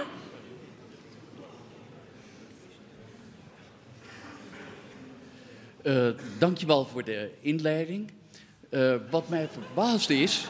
Nee, uh, niet, niet, dat ik, niet dat ik de zaal ga doorspreken hoor, want ik heb gewoon een. Ik heb gewoon een, een concrete vraag. Want volgens mij zijn er al 60 jaar lang mensen met een basisinkomen. Suurhof en Drees hebben daarvoor gezorgd. Op dit moment 3 miljoen mensen hebben een basisinkomen. En wat zien we op dit moment gebeuren? Dat daar mega oppositie tegen gevoerd wordt. De kosten zijn te hoog. De AOW-leeftijd gaat omhoog. De rekening, dat blijkt daaruit, moet altijd ergens gedeponeerd worden. Wij moeten dat met z'n allen gaan uh, financieren. En als ik dan naar de bevolkingsopbouw kijk in Nederland, en dan stop ik, dan zien we dat het aantal werkenden afneemt, het aantal ouderen toeneemt. En als we daar aan toe gaan voegen een aantal mensen met een basisinkomen, dat ook gefinancierd moet worden, heb ik sterke twijfels over de haalbaarheid van de ideeën die u naar voren brengt. U zegt eigenlijk de uitkering is al een soort van basisinkomen en er zijn... Nee, de AOW um, is een, dat is een niet, feitelijk niet basisinkomen. Er zijn, ja. er zijn op dit moment 3 miljoen ja. mensen met een basisinkomen. Ja, de AOW. En. Het is AOW. natuurlijk ook een hele mooie empirische test van... is het waar dat mensen heel erg lui worden van een basisinkomen? Uh, valt best mee, volgens mij. Ze gaan naar studium generale bijvoorbeeld. uh, toch? Ja. Nee, dat, waar ik mijn lezing mee begon. Je moest altijd als student heel vroeg zijn, want anders was alles al bezet door... Um, dus ik, ik, zou, ik zou hier heel erg. Kijk, daar word ik altijd een beetje oncomfortabel over als het gaat over kunnen we het betalen, is het, um, is het financierbaar. Dat gewoon uh, in de eerste plaats wordt nooit meegenomen wat de baten ervan zijn. Uh, ik vind het, nogmaals, ik vind het ook echt bizar dat linkse partijen dat zo weinig doen. Dat ze ermee akkoord gaan dat een planbureau als het CPB helemaal niks toekent aan, aan het verminderen van armoede. Dat ze dan niet zeggen van oké, dan gaan we ook wat minder uitgeven aan zorgkosten. Of wat minder uitgeven aan criminaliteit of weet ik veel wat. Dat wordt allemaal niet toegekend. Dat wordt allemaal op nul gezet. Terwijl we weten uit heel veel studies dat de baten gigantisch zijn van het aanpakken van dat soort problemen. Dat zou, dat zou ik in het achterhoofd willen houden. En ja, weet je wat, wat we volgens mij echt niet kunnen veroorloven? Dat is dat een derde van de mensen zegt dat een baan niet zo, zinvol is. Dat is een verspilling, dat kunnen we niet betalen op de lange termijn. Ik bedoel, er is een fantastische quote van iemand die werkte bij, uh, bij Facebook een tijd lang. Uh, wiskundig genie. Die zei, uh, de grootste geesten van mijn generatie denken erover na hoe we mensen zoveel mogelijk op advertenties kunnen laten klikken. Dat is de gigantische verspilling van talent die op dit moment aan de hand is. Er zijn hele interessante studies, ook weer voor Ivy League universiteiten. Dus hele slimme mensen die daar gestudeerd hebben. 40 jaar geleden gingen ze werken voor de overheid, voor de universiteit, et cetera. Waar gaan ze nu naartoe? Silicon Valley, Wall Street. Is een enorme verspilling van talent. Heel vaak in de financiële sector wordt er meer welvaart vernietigd dan gecreëerd. Dus dat bedoel ik een beetje met herdenken wat werk überhaupt is. Wat die mensen hebben toch andere keuzes. Die kunnen toch andere banen nemen. Mm -hmm. Er zijn altijd leerkrachten nodig, er zijn handen tekort in de zorg. Het is gewoon dat die banen, die bullshitbanen, worden heel vaak heel goed betaald. Exact, maar ja. daar zijn redenen voor, toch? Ja, maar dus ik denk ook dat ik heb, ik heb geen medelijden met die mensen, echt uh -huh. niet. Oh, nee, dat ik denk gewoon, ja. ja. maar ja, dat is wel de vraag van. Dus laat ons eerst al die, laat ons zeggen tegen die mensen, nou als je klachten hebt over je baan, ga gewoon een zinvolle baan doen. Ze zoeken nog handen in het onderwijs en in de zorg. Maar ik denk ook dat het geen antwoord is op de vraag van die meneer. Nee, maar prikkels stellen, wacht even, want prikkels maken uit. Wat, wat blijkt uit die studies? Dat het komt door de belastingverlagingen van Reagan. Dus dat het gewoon veel, financieel veel aantrekkelijker is geworden in de afgelopen jaren om naar Wall Street te gaan of om naar Silicon Valley te gaan, waar institutionele, politieke redenen voor zijn dat die banen steeds meer gaan verdienen. Mijn, mijn, mijn punt is, als je een basisinkomen invoert, en ook, je kan ook andere vormen van wetgeving daarvoor gebruiken, kan je, zullen de loonniveaus zich aanpassen. Dus wordt het heel aantrekkelijk om andere banen te gaan doen. Ik vind echt dat we veel meer naar de reële economie moeten kijken. Als ik iets heb geleerd van mijn studies van de economie, is dat we het vaak veel te veel abstract hebben over die verdient zoveel euro's, die verdient zoveel euro's. Laten we nou kijken naar wat mensen daadwerkelijk doen. Gewoon in de reële economie, wat voor werk ze doen en wat er gebeurt als ze stoppen met dat werk doen. Weet je, heel vaak niet zoveel. Ja, maar ik... Toch? Ik denk echt dat geld een vrij misleidende manier is om dit soort discussies te voeren. Er zijn heel veel mensen die veel geld verdienen, maar niet zoveel toevoegen. En heel veel mensen die heel weinig geld verdienen, maar heel veel toevoegen. Dus... Maar um, een vraag, jij denkt dus dat de mensen die als eerste zouden stoppen en het basisinkomen zouden accepteren, dat zouden mensen zijn, bijvoorbeeld consultants? Nee, ik denk dat het eerder een lange termijn effect zal zijn. Dus ik denk niet dat meteen mensen zeggen, ik zeg mijn baan als consultant op. Maar het wordt wel makkelijker. En bovendien misschien dat minder jongeren die dat soort studies zullen gaan doen, die daartoe... En laat, ik ook niet dom generaliseren over alle consultants of zo. Het is meer dat, nou ja, kijk eens in mijn e-mailbox. Het is toch meestal uh, die categorie van mensen die wel eens twijfelt. Uh, een tijdje geleden nog een lezing gegeven voor een consultancybureau. Er was ongeveer een derde, 40% van de zaal die ging biechten, vooral jonge mensen. En dan denk ik, wat, wat een tragiek is dat? En waarom hebben we dat, dat zo weinig over in Nederland? Dat er zoveel ook jonge mensen zijn, fantastische studies hebben gedaan. En dan zelfs publiekelijk de hand in de lucht steken als je de vraag stelt: denk je dat je iets toevoegt met je baan? Er is vrijwel geen debat over. Links tot rechts zegt allemaal: we hebben meer banen nodig, meer werkgelegenheid. Anders kunnen we de AOW niet financieren. Dat is toch een volkomen van de pot gerukt debat. Of Even een kleine test hier in de zaal. Wie denkt er dat hij uh, iets toevoegt met zijn werk dat hij doet? ja, langzaam de handen gaan toch wel omhoog. Nou, ik zie aardig wat handen die niet omhoog zijn hoor. Er zijn misschien ook een hoop mensen die studeren. Die... Zou ook kunnen. Ik um, sta hier naast iemand die ook een uh, vraag heeft. Ik vraag me af, uh, u stelt eigenlijk dat uh, een negatieve inkomstenbelasting gelijk staat aan uh, simpelweg 1000 euro geven bijvoorbeeld en werk er maar bij wat je er verder bij nog wil werken. en dat dat allebei eigenlijk hetzelfde zou zijn, maar dan zonder bureaucratische rom romslomp. maar dan vraag ik me af, bij een negatieve inkomstenbelasting zou dat juist niet luid bevorderen. Want als ik 400 euro verdien en ik krijg er dan 600 euro bij, dan heb ik 1000 euro. Mhm. als ik 600 euro verdien, dan krijg ik er 400 euro bij. Ja. Dus waarom zou ik dan extra werken? Um, voor een deel omdat iedere euro die je extra verdient, uh, die levert je nog wat op. Dus die, die steun die wordt niet meteen afgekapt, maar die wordt, hoe zeg je dat? In het Engels zeg je, het wordt outgefaced, zeg maar. Dus je moet ervoor zorgen dat de marginale belastingdruk niet 100% wordt. Wat voor sommige groepen in Nederland nu trouwens het, het, het geval is. Hè? Dat je meer gaat verdienen en je toelagen verliest. En, uh, dus je kan het gewoon zo ontwerpen dat dat soort prikkels er niet zijn. Dat hebben ze ook gedaan, uh, wat ik zei in die Amerikaanse, Canadese studies. En dan blijkt iedere keer dat het effect op het aantal uren dat mensen werken heel beperkt is. Dus je ziet afnames van procentpunt of misschien twee. That's it. Yes, ik zie hier ook nog een hand in de lucht. Ik kom naar je toe gelopen. Ja. Uh, ja, ik heb een uh, vraag aan, slash ik wil wat zeggen tegen de blonde meneer. Ik ben die naam alweer kwijt. maar dat is niet persoonlijk, ik ben niet zo goed met namen. Geen niet hoor. uh, ja, ten eerste vond ik dat u zichzelf een beetje tegenspreekt. Ik weet niet of u dat heeft gemerkt, maar um, u zei ja, het basisinkomen dat zorgt ervoor dat we ons meer, meer richten op waardevolle banen. Daar wil ik al een beetje aanhalingstekens bij zetten, want wie bepaalt wat waardevol is? Jij?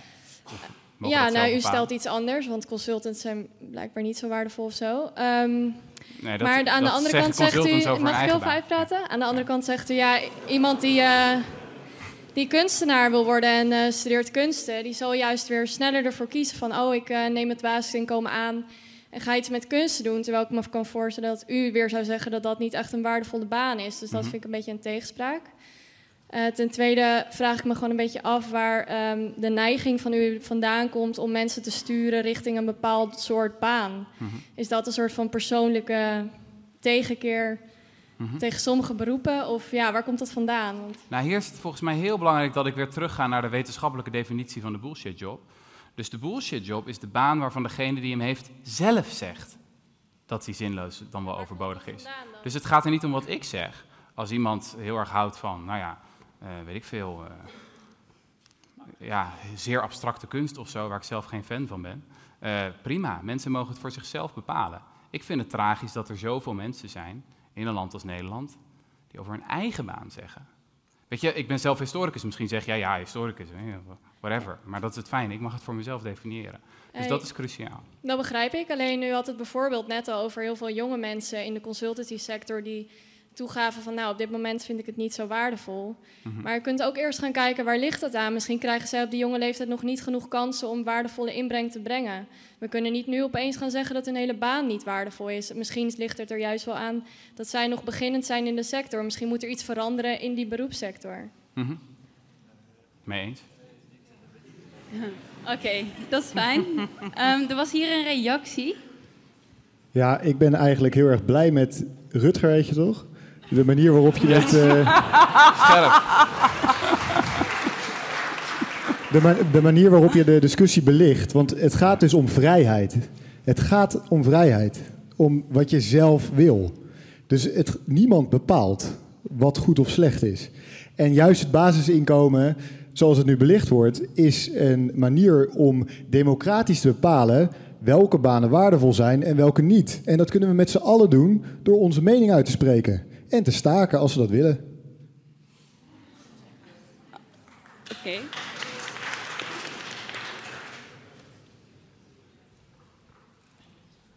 Ik zie heel veel handen. Ik kom zo naar jullie toe. Ik zag hiervoor ook een paar. Ten eerste bedankt voor uw verhaal. Uh, ik heb eigenlijk twee vraagjes en een eerste korte aan mevrouw Robijn. Um, die, uh, als het basisinkomen doorgevoerd zou worden, dan zou er doorgerekend zijn dat er bepaalde zekerheden weg zouden vallen. Uh, wat, wat, is er dan bijvoorbeeld? Een uh, voorbeeld van? Bijna, dat hangt er vanaf van welke, dus van welk voorstel je precies leest, maar bijna alle voorstellen die ik gezien heb stellen voor om alle toeslagen en alle um, Bijvoorbeeld de werkloosheidsuitkering verdwijnt, uh, de zorgbijslag die je krijgt verdwijnt. Dus als je langdurige zorgkosten hebt, die, heb je geen recht meer op. Um, een van de effecten van de verzorgingsstaat is ook dat wij ons collectief verzekeren tegen bepaalde risico's. Um, vooral arbeidsongeschiktheid die niet aangeboren is en um, werkloosheid. En dus die hogere, die, dat is eigenlijk inkomensafhankelijk, dat verdwijnt ook. Kinderbijslag verdwijnt. Dus vandaar dat ik, dat ik denk van, laten we dat ook in ogenschouw houden. Dus als al die dingen verdwijnen, dan lijkt het mij evident dat de langdurig zieken en de uh, mensen met beperkingen er slechter af zullen van zijn. En dat was een idee dat in me opkwam. Zou je dan misschien eigenlijk kunnen zeggen dat het basisinkomen voor veel mensen vooruitgang, eh, vooruitgang brengt, maar dat het wel ten koste gaat van een kleine groep die er alleen maar op achteruit gaat? De vraag is uh, of die groep klein is. En de vraag is ook wie die groep is. Um, de meeste rechtvaardigheidstheorieën zeggen dat je de samenleving zodanig moet inrichten dat de mensen die eigenlijk het meest benadeeld zijn, al in de meest kwetsbare positie zitten, dat je die mensen probeert eerst te beschermen en de instituties zodanig vormgeeft dat hun positie er het beste uitkomt. Dat is het, voor de filosofen in de zaal het bekende verschilprincipe van John Rawls. En ik ben er gewoon niet zeker van. Ik zeg niet dat het niet zo is, maar ik ben er niet zeker van dat dat met basisinkomen zo is. Het hangt er ook vanaf wie vinden wij dat de zwakste groep in de samenleving is. Maar als ik zie wat nu de voorzieningen zijn door de uh, hervormingen met de uh, decentralisaties van de mensen met een arbeidsbeperking of mensen die niet kunnen werken, denk ik dat zij waarschijnlijk in aanmerking komen om als de meest kwetsbare groep gezien te worden. En als het basisinkomen echt voor iedereen hetzelfde is en er zijn voor hen geen extra voorzieningen, dan denk ik dat zij er slechter af zullen zijn. Ja. Ik uh, zie hier ook een vraag. Ja, ik uh, mis eigenlijk de samenlevingsvormen. Die gaan ook veranderen met een basisinkomen. Voor als je een uitkering hebt, dan mag je niet samenwonen, dan mm word je op je uitkering gekort. Dus waarom gaan mensen dan gewoon niet met z'n allen in huis wonen? Dan hebben ze een uh, leuk inkomen. -hmm. Dat is volgens, het, volgens sommige economen een, een interessant voordelig effect van een basisinkomen, die het voordeliger maakt om, om samen te wonen. Dus dat je efficiënter gebruik maakt van de, van de woningvoorraad. Nu is dat natuurlijk uh, problematisch dat steeds meer mensen, uh, steeds meer alleenstaande, et cetera. Het wordt gewoon financieel aantrekkelijk om samen te wonen. Maar u heeft zeker een punt, dat is een, uh, dat is een effect dat je, dat je ook in de gaten moet houden. Yes. Ik had hier ook nog een vraag. Ja, inderdaad. Jij bent toevallig een boek aan het lezen over basisinkomen van uh, Nela Leijnen, dat is een Belgische politicus. Mm -hmm. En wat ik hier graag zou willen vertellen is, er zijn vijf punten. Het gaat ook...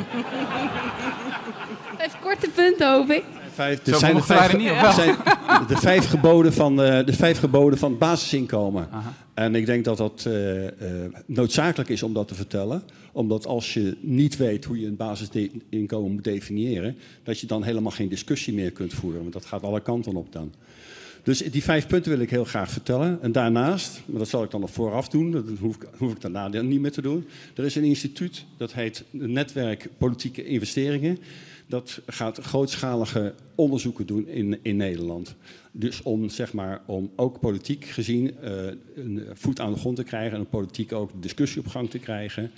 Uh, want dat is dan, zeg maar, dan wetenschappelijk, wordt het wetenschappelijk onderbouwd. Dus al die experimenten, al die dingen die dus op dit ogenblik aan discussie gevoerd worden en gevoerd zijn in het verleden, die komen dan hopelijk in dat onderzoek naar, boven, naar, boven en worden dus bediscussieerd en krijgen dus dan een wetenschappelijke, uh, een wetenschappelijke basis. Nu even die vijf... vijf... Ja, heel, we zijn natuurlijk nooit weg met definities, maar heel kort graag, want we hebben nog 20 minuten en veel handen zag ik al in de lucht. Het basisinkomen is een vast bedrag. Het wordt aan iedereen toegekend. Het is individueel toegekend. Het wordt levenslang toegekend. En het basisinkomen is zonder voorwaarden toegekend. Dat is het dus. Als je op een gegeven moment dus een kind op de wereld zet, dan krijgt hij dus geld om te gaan leven. Dit is een definitie. Uh, Ingrid, hoe, hoe, zie jij, hoe kijk je hier tegenaan als je dit zo hoort? dat lijkt mij een plausibele definitie, maar bijvoorbeeld het voorstel, en dat is ook een reactie op de mevrouw die daarvoor een vraag stelde, het voorstel van de jongerenafdeling van D66, hun voorstel voor een basisinkomen, maakt heeft bijvoorbeeld een verschillend bedrag voor één persoon en twee personen. Dus dat is al niet individueel en die hebben een veel lager bedrag voor kinderen. En alle voorstellen die ik heb gezien... Ja, niet ja, maar het idee van een basisinkomen zou zijn dat het voor, als het echt individueel is, is het voor elk individu hetzelfde. Dat je dus geen um, prikkels hebt om al dan niet wel te gaan samenleven en te gaan tandenborstel stellen. Dat was dus het punt van mevrouw. Mm En dat, is in die, dat sneuvelt in die voorstellen ook al. Maar dus ik zou wel zeggen, het risico hier soms een beetje is dat de leden van de basisinkomenkerk enorme ruzie met elkaar gaan maken en dat er allerlei verschillende denominaties en afsplitsingen ontstaan van wij hangen deze variant aan en wij die en ondertussen wordt de verzorgingsstaat zoals we die hebben verder afgebroken. Uh, ik heb heel veel van dat soort vermoeiende discussies gehad en ik denk dat het op een gegeven moment ook belangrijk is om gewoon tevreden te zijn met uh, iedere stap in de goede richting. Yes, ik heb hier achterin nog een vraag. Ja, stel, ik ben timmerman, mhm. niet in loondienst. Um, ik word overeind gehouden door uh, basisinkomen. Dan zou ik toch lekker veel zwart gaan werken om inkomsten op te krikken. Uh, waardoor je dus enorme belastingontduiking gaat krijgen. Hoe denk jij daarover, Rutger? Blijft wel hangen. Uh, als ik heel eerlijk ben, heb ik daar niet heel veel over nagedacht. Ik heb dat ook in de literatuur niet heel veel tegen zien gekomen als een belangrijk bezwaar. Weet je dat? Ik zou denken dat probleem kan zich nu toch ook stellen. Behalve dat dus, dat geldt voor alle ZZP'ers nu ook. En voor alle mensen die in het zwart allerlei diensten verlenen. Dus ik denk dat dat probleem het enige is dat als dus de marginale inkomstenbelasting op arbeid verhoogt, dan verhoogt de prikkel om inderdaad. Dus dat, is een, dat is een risico. Nog een reden om het niet universeel te maken. Yes. Ik zag ook een vraag op het podium, dus ik uh, kom hier even naartoe. Ik kom graag terug op de eerste vraag die ik eigenlijk onbeantwoord uh, heb zien worden. De vraag in hoeverre, we hebben al een AOW, een, een vorm van basisinkomen. Hoe houden we dat betaalbaar? En hoe kan het dan voor iedereen betaalbaar zijn? En is het niet een manier om gewoon de inflatie uh, dat de inflatie hoger wordt doordat iedereen een basisinkomen krijgt. Hm. Doordat iedereen het krijgt, dus dan gaan gewoon de prijzen omhoog. En vervolgens is er nog weer een deel van de mensen die niet kunnen betalen. Zal ik daar iets over zeggen, over de inflatie? Maar de AOW wil ik ook graag. Oké, ja, die weet Ingrid. Ingrid is econoom. Ik denk, ik ga eerst even naar jou. Zou je hierop willen reageren? Ik, ik denk dus of er inflatie zal zijn van een basisinkomen, hangt ervan af Nee, Wacht, ik kom even met de microfoon. Dat hangt ervan af hoe je het financiert. Dus als je het financiert via uh, belastingen die ofwel gegenereerd worden op arbeid, winst of op uh, bijvoorbeeld CO2-uitstoot, dan is er geen reden waarom er, uh, waarom er inflatie zou zijn. Maar je andere vraag, hoe hou je de AOW betaalbaar, heeft eigenlijk te maken met, die met mijn laatste soort van utopische strijdpunten. Namelijk, we kunnen het wel hebben over een basisinkomen, maar eigenlijk zijn de mensen die vinden dat de ongelijkheid zou moeten verkleinen en dat er zo weinig mogelijk armoede zou moeten zijn, die zijn, in, naar mijn perceptie, de strijd aan het verliezen. Dus laten we eerst gewoon proberen om terrein weer te winnen op die punten waar terrein te winnen valt. Ik zou zeggen, maak van de korting van de Wajongers, maak daar gewoon een strijdpunt van. Ga daar iets mee doen. En hetzelfde met de AOW. En dan kunnen we kijken of we iets dat utopischer is, zoals basisinkomen, uh, op de agenda kunnen krijgen. Maar er lijkt een soort van... De, dus wat ik denk dat een soort van het neoliberale discours gedaan heeft de voorbije twintig jaar, is ons allemaal een beetje apolitiek gemaakt. En dus wij, wij zijn gewoon niet meer activistisch. Ik wel. Hoe, ja, maar hoe... Ja, goed zo. Maar Even peilingen hier in de zaal. Wie is hier activistisch? Nou... Je zou het ook omgekeerd kunnen vragen. Wie is er niet activistisch? En dan zul je ook heel veel handen omhoog zien gaan. Dus het is gewoon een, een vraag van... Wie is er lid van, en actief in een politieke partij? Wie is er wie is er überhaupt nog bij de vakbond? Dat is iets natuurlijk in de strijd tussen arbeid en kapitaal. Die... Dat zijn allemaal vragen, ja. Dat is toch interessant om te merken dat daar zo'n verschuiving is ontstaan de voorbije decennia. Ga ik de zaal weer in. Hiervoor had ik al een tijd een hand gezien. Ja, ik had eigenlijk een vraag. Um, het basisinkomen gaat natuurlijk over het verdelen van geld. Alleen als we kijken waar geld nu eigenlijk vandaan komt, ik denk dat dat ook een wezenlijke vraag is die je daarbij moet gaan stellen. Mhm. En nu heb ik me daar uh, onlangs in verdiept en ik kwam erachter, niet heel lang geleden, dat dat eigenlijk door commerciële banken wordt gemaakt. Ruim 90% wordt gemaakt en is krediet. En dat is eigenlijk al op een bepaalde manier een herverdeling. En dat is eigenlijk een schuldcontract wat je aan mensen verleent. Dus al het geld dat wij op onze rekeningen hebben, dat is in essentie schuld. En nu vraag ik me af, hoe verhoudt dat systeem zich en ook de, het gevaren van die systemen die we de afgelopen kredietcrisis hebben gezien, ehm, zich tot het basisinkomen en dan misschien ook tot de kredietwaardigheid van mensen die ze dat hebben. Wat zou een basisinkomen voor de kredietwaardigheid van mensen betekenen? Dus dat is mijn vraag. Ik hoop dat die niet al te ingewikkeld is, maar ik vind het wel heel erg uh, belangrijk persoonlijk. Nou, volgens mij heb je helemaal gelijk dat ehm, wat ze in het Engels noem je het seniorage. Ik weet niet hoe je het in het Nederlands noemt, maar in ieder geval dat banken een groot voordeel uh, krijgen uit hun, eigenlijk een recht dat ze van de overheid is gegeven om geld te mogen scheppen uit het niets. Uh, daar verdienen ze geld op. En dit wordt ook vaak genoemd als een van de bronnen waarmee je een basisinkomen zou kunnen financieren. Weet je, ons geld is mhm. uiteindelijk van ons allemaal. Dus wat daarmee verdiend zou worden, zou je uh, uit de financiële sector kunnen trekken. Helemaal niet zo gek volgens mij het dan niet gevaarlijk? Want je ziet nu eigenlijk um, waarom het misgegaan is in de crisis, is juist omdat we het zo massaal op, die, op dat kredietsysteem hebben gedaan. Mhm. En als we dit nu aan iedereen gaan geven, uh, geld, en het is nog steeds die schuldvorm, dan is er nog steeds een enorm groot risico. Dus ik vraag me af eigenlijk, um, hoe, dat, hoe verandert dat dus de kredietwaardigheid van mensen? Dus als je een hypotheek aan wil gaan of een lening aan wil gaan en je hebt een basisinkomen, betekent dat je dan minder een hoog risico hebt voor een bank en is het daardoor makkelijker om een lening te krijgen? Ik vraag me af hoe jullie daarover denken. Als je het over de stabiliteit van ons financiële systeem hebt, dan hoef je volgens mij geen gigantische revolutionaire veranderingen door te voeren. Dus we hadden in de jaren 50, 60 al een veel stabieler financieel systeem, veel kleinere financiële sector, terwijl we wel hoge economische groei hadden, veel innovatie, noem maar, maar op. Dus we moeten die financiële sector gewoon weer veel kleiner maken. Dat is de, de belangrijkste opdracht. En dat kan binnen het huidige geldsysteem. Daar hoeven we niet naar de verleiders toneelstuk voorstellingen te gaan of zo en allemaal wilde ideeën te krijgen. Ook al vind ik het fantastisch hoor wat ze doen. Maar je, hoeft niet, je kan ook binnen het huidige geldsysteem kan je enorme verbeteringen uh, aanbrengen en een veel stabieler systeem. Eigenlijk dat je zegt van als je een kleine financieel, financiële sector zou hebben, dat het gunstig zou zijn voor een basisinkomen. Klopt dat? Of is ja, voor de wereld in het algemeen, zou ik zeggen. Ik denk ook dat sowieso, um, ik heb dit denk ik gevolgd van de zijlijnen, maar uh, er is in Utrecht het Sustainable Finance Lab, die zich heel erg op deze thematiek, uh, in deze thematiek verdiepen. En um, wat je natuurlijk, het probleem dat jij beschrijft, staat eigenlijk in zekere zin los van basisinkomen. Want zelf als die ballon maar groeit en groeit en die banken ook natuurlijk steeds minder gereguleerd zijn, dat is een gevaar op zich. Want uiteindelijk is, is geld een vertrouwenszaak. Waarom? Uh, we moeten niet denken aan wat er gebeurde in de jaren dertig. Dus dat probleem zou sowieso um, aangepakt moeten worden.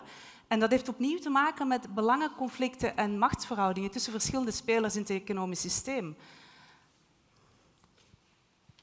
Ja. Geldt eigenlijk voor best wel veel ja. debatten. Ook het immigratiepunt voor rondom een basisinkomen is eigenlijk niet specifiek voor het basisinkomen. Zo van, krijgen immigranten recht op een basisinkomen? Ja, dat is een debat dat je sowieso moet voeren. Het is niet specifiek voor het basisinkomen. Um, ik begin een beetje het idee te krijgen dat je experimenten moet gaan uitvoeren om daadwerkelijk mensen te overtuigen dat het werkt en zo stapsgewijs bezig moet. Mhm. En een stapje daarin zou dan zijn het experiment met het bijstand wat gemeente Utrecht wilde uitvoeren. Maar dat wordt nu telkens uitgesteld, duurt steeds langer. En waar ik achter was gekomen is dat de participatiewet daar een beetje moeite mee veroorzaakte. Namelijk dat er, geen, dat er niet geëxperimenteerd mag worden. Mhm. Hoe zit dit en wat vinden jullie van die participatiewet?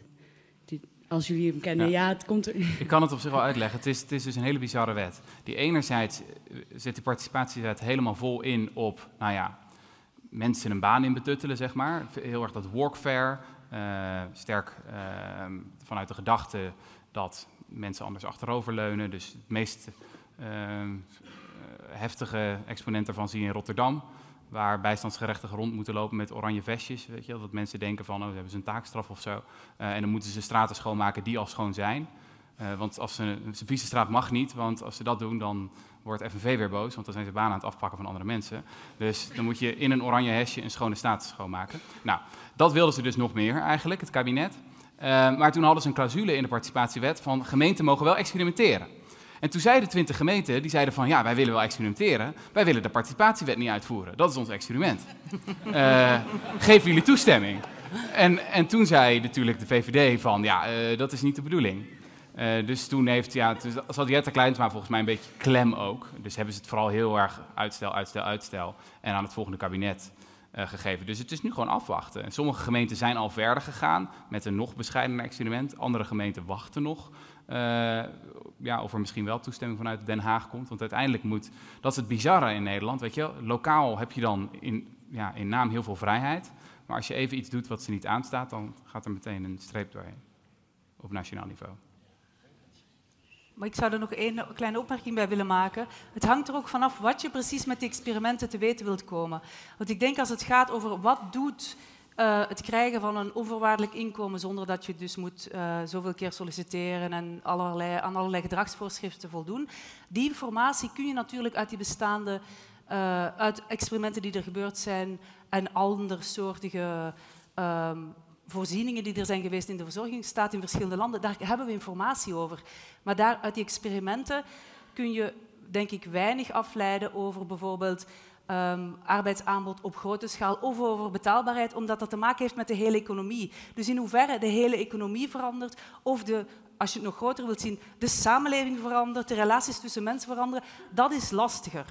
Maar er is, dus in dat opzicht denk ik, zijn die experimenten goed, maar we moeten niet denken dat dat alle antwoorden zal geven op de vragen die we hebben. Dankjewel. Um, ik had hier achterin ook al een tijdje een vraag. Ja, even terug naar uh, de, de banken en de leencapaciteit. Uh, het is wel zo dat veel mensen die momenteel in de armoede uh, zitten, ook vaak schulden hebben. dat komt doordat banken eigenlijk het hele inkomen altijd meenemen voor leningen. Zou het dan niet goed zijn dat daar het basisinkomen bedoeld is om mensen uit de armoede te krijgen, deze uit te sluiten voor bijvoorbeeld de leencapaciteit van mensen? Best wel goed punt, ja. denk ik, ja. Dat is een goed idee. Oké, nou die is maar ik denk, Maar ik denk dat zoiets als dus de, de, schuldenproblematiek, die ik denk dat nu op dit moment ook uh, op de agenda staat van, van uh, jou en jouw collega's, uh, is ook een kwestie die moet ook onafhankelijk daarvan van de discussie over basisinkomen moet aangepakt worden. Dus ik denk er zijn zoveel dingen waar we al mee aan de slag kunnen, waar, waar we niet moeten wachten tot we eruit gaan geraken of we met z'n allen een basisinkomen willen of niet. En die zullen het introduceren van een basisinkomen, if en when we er ooit klaar voor zijn en het financieel rondkrijgen, gemakkelijker maken. Dus we hoeven niet, op, we hoeven niet te gaan zitten en achteroverleunen. We kunnen al op een aantal kwesties kunnen we gewoon aan de slag. Zijn er nog vragen? Ja, ik zie meteen twee handen de lucht in gaan. Ik kom naar je toe. Hoi, um, ik werk in de gehandicaptenzorg met mensen met een lichtverstandelijke die het vaak moeilijk vinden om een plek te vinden op de arbeidsmarkt. En ik dacht, is het dan niet zo, als er een basisinkomen uh, komt, dat er heel veel bullshitbanen gewoon stoppen en dat iedereen dan gewoon gaat doen wat hij leuk vindt en iets minder hard gaat werken en wat leuker en wat liever wordt voor een ander. Hmm. En zo komt er ruimte voor iedereen op de arbeidsmarkt. Dat zou mooi zijn. ja, ik weet, weet, je, dat hangt van je mensbeeld af. En ik moet zeggen, ik ben zelf um, cynisch over uh, de bereidheid van mensen om zich uh, op grote schaal, niet over individuen, om zich in te zetten voor uh, veel kwetsbare medemensen. Dus bijvoorbeeld, er zijn allerlei onderzoeken over, waarin staat dat mensen willen, heel weinig mensen willen een, iemand met een psychiatrische problematiek als buurman. Ja, als mensen dat nu al niet willen, maar hoe gaat dat dan veranderen? Oké, mevrouw wil daar iets op zeggen? Ja. Nou ja, onbekend maakt onbemind. Dus je moet het gewoon uh, doen en elkaar zien. Maar en... is het niet het belangrijkste dat we onthouden dat ons mensbeeld zelfvervullend is? Dus dat als we aannemen dat de meeste mensen niet deugen, lui zijn, achterover willen leunen, et cetera, en we onze wetgeving daarop gaan modelleren, dat dat ook gebeurt. Dus dat ook het een bijna morele plicht is, als professor, om een beetje hoop te geven uh, aan mensen. nee, ik zie dat niet als mijn morele plicht. Um, terwijl ik heel veel nadenk over morele plichten. Mm Maar um, ik, ik, zie dat als um, ja, uit allerlei onderzoeken waaruit blijkt dat gewoon um, bepaalde groepen mensen gewoon nu geïsoleerd zijn.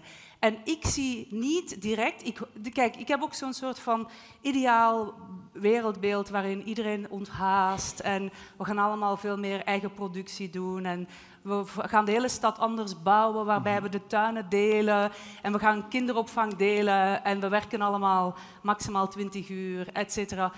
Maar um, dat de mensen, dus er zijn verschillende elementen van het mensbeeld. En dat mensen lui zijn, dat geloof ik niet. Maar dat mensen, of mensen zin hebben om heel veel zorg te verlenen aan um, mensen die zorgbehoevend zijn, vooral waarbij de zorgbehoevendheid is, niet is van die vrolijke kleuters, mhm. maar wel of dementerende ouderen of gehandicapten, daar ben ik veel cynischer. Mhm. Dus, um, en daarvoor denk ik van ja, je kunt zeggen, nu is dat al een probleem. En, maar waarom zou dat onder een basisinkomenregime veranderen?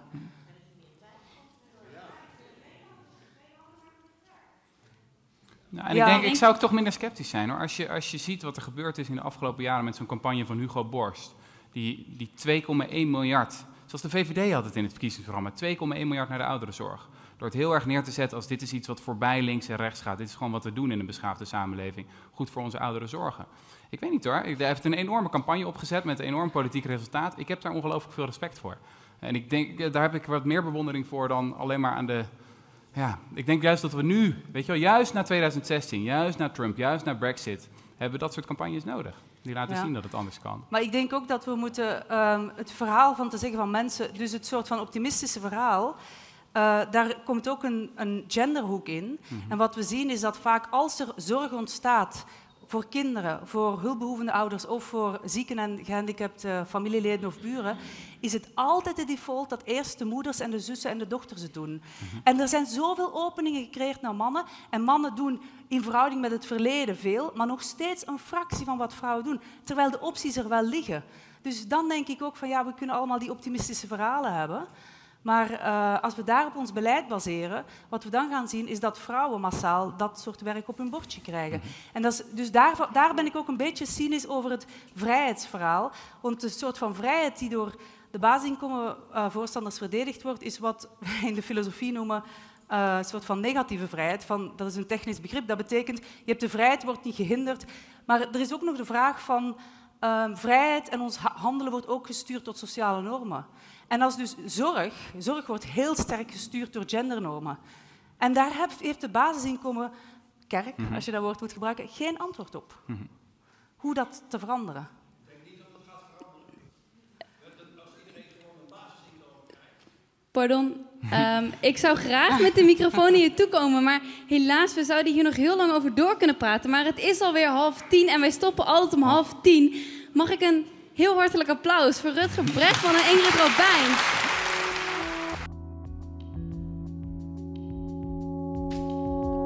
Dit was de podcast van Studium Generale van de Universiteit Utrecht. Wil je meer lezingen luisteren? Check dan de playlist op Spotify en iTunes. Of ga naar onze website sg.uu.nl/podcast.